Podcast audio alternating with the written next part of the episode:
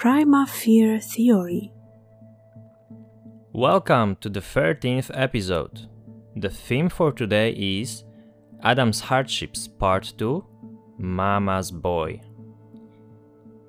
Fear is the opposite of courage.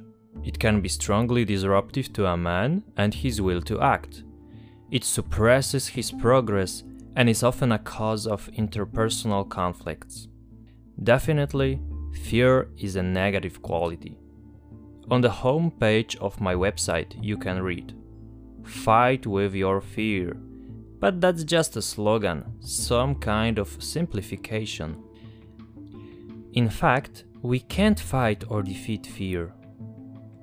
It is a figment of imagination about something based on something.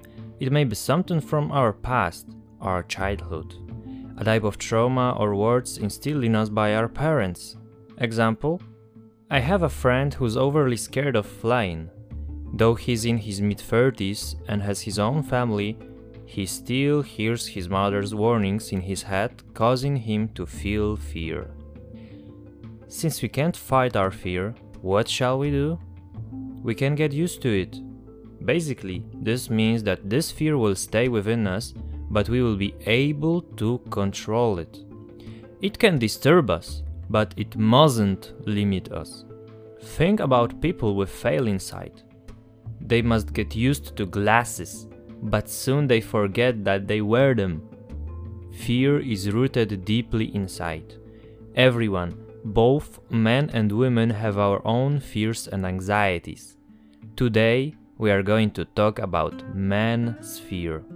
Man's fear is something particular because a man indeed should be known by his courage and will to act. God gave him the responsibility to take care of the earth and his family. Thus, a man has to face uneasy challenges. Unfortunately, he failed as a head of his wife, but also as a father from the beginning. Think about his son, Cain. He commits homicide, killing his younger brother, Abel. Where is Adam? He's not at the place where he should be. We know nothing about that. What we know is that God speaks to Cain, warning him and then holding him responsible for what he had done. We see clearly that Adam failed. He is not present in the life of his son. He neither trained him nor guided him. He's not his mentor. Adam is scared. Fatherhood defeated him. He doesn't fight against his fear and fails miserably. He's weak and far from the model God wanted him to become. What about us? We grew up in this mess and it's getting worse with each subsequent generation. That's the reason why we don't see too many brave, courageous men in our society these days. Most of us are cowards, mommy's boys, lacking acts of bravery. We are not born with courage. We need to learn it. It was a bit easier back in the day. Hard work formed not only muscles, but also a character. That's how courage is born. Deliberate action aimed at fear. There's no other way. We need to prove ourselves that we can do that. We need to develop the trust in our abilities. Let's say you're scared of heights. The only way to fight this fear are heights. You climb the mountain, your knees are like jelly, you suffer from vertigo, then you crouch. You try to come down, you take another step and another, and you see that it wasn't that scary. You tame your fear and it slowly disappears. You take control. It's quite similar in any other field. If you're scared of starting conversations, then you have to force yourself to say something first. Then it will become easier and easier. But mommy's boys struggle even harder because their whole life is one big fear. Why? Because they were deprived of models of masculinity. And no wonder because their fathers screwed up. They were often deprived of masculinity also. Their family life limits boosting a bank account. And in the evening, they are only left with remote control, beer, and a growing belly. So, what can I expect from a young man having such a model at home? His mother becomes his guide. But the best, the most wonderful mother you can imagine will never replace a father. Why?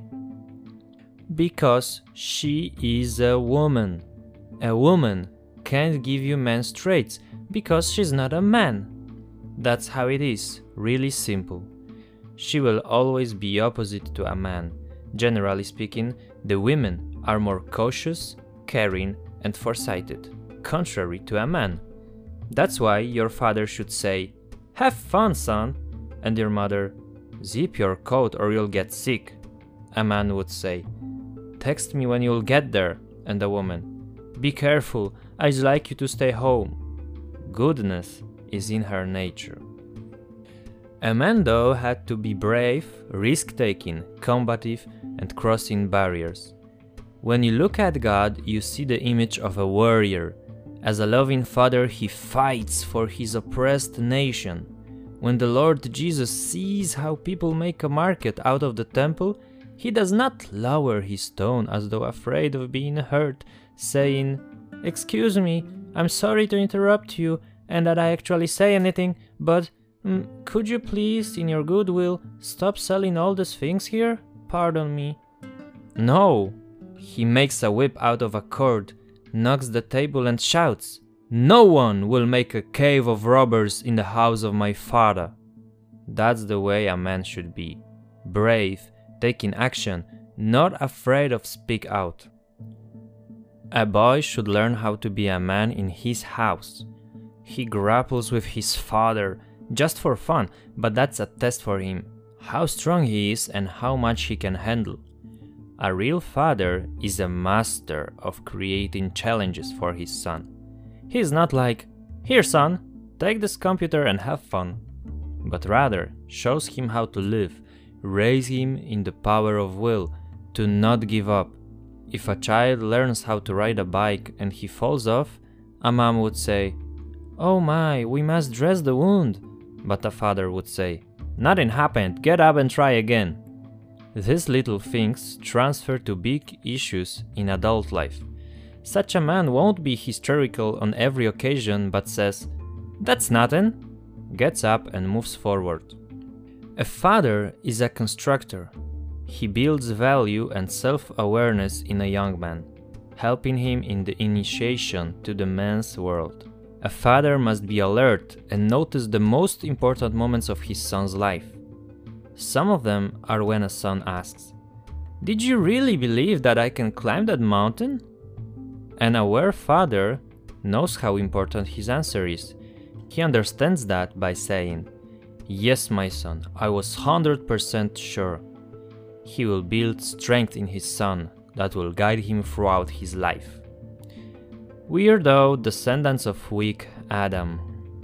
Most of us didn't have such a father.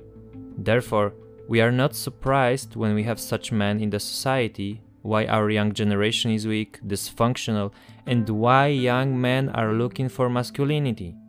They had no model. However, it's not a dead end situation the fear of being a man is tameable as well. You can be strong and courageous. Just never stop learning. Don't look at your past, but focus on what's ahead of you. How do you do that? Follow my next articles. Find out more on pdolsky.com.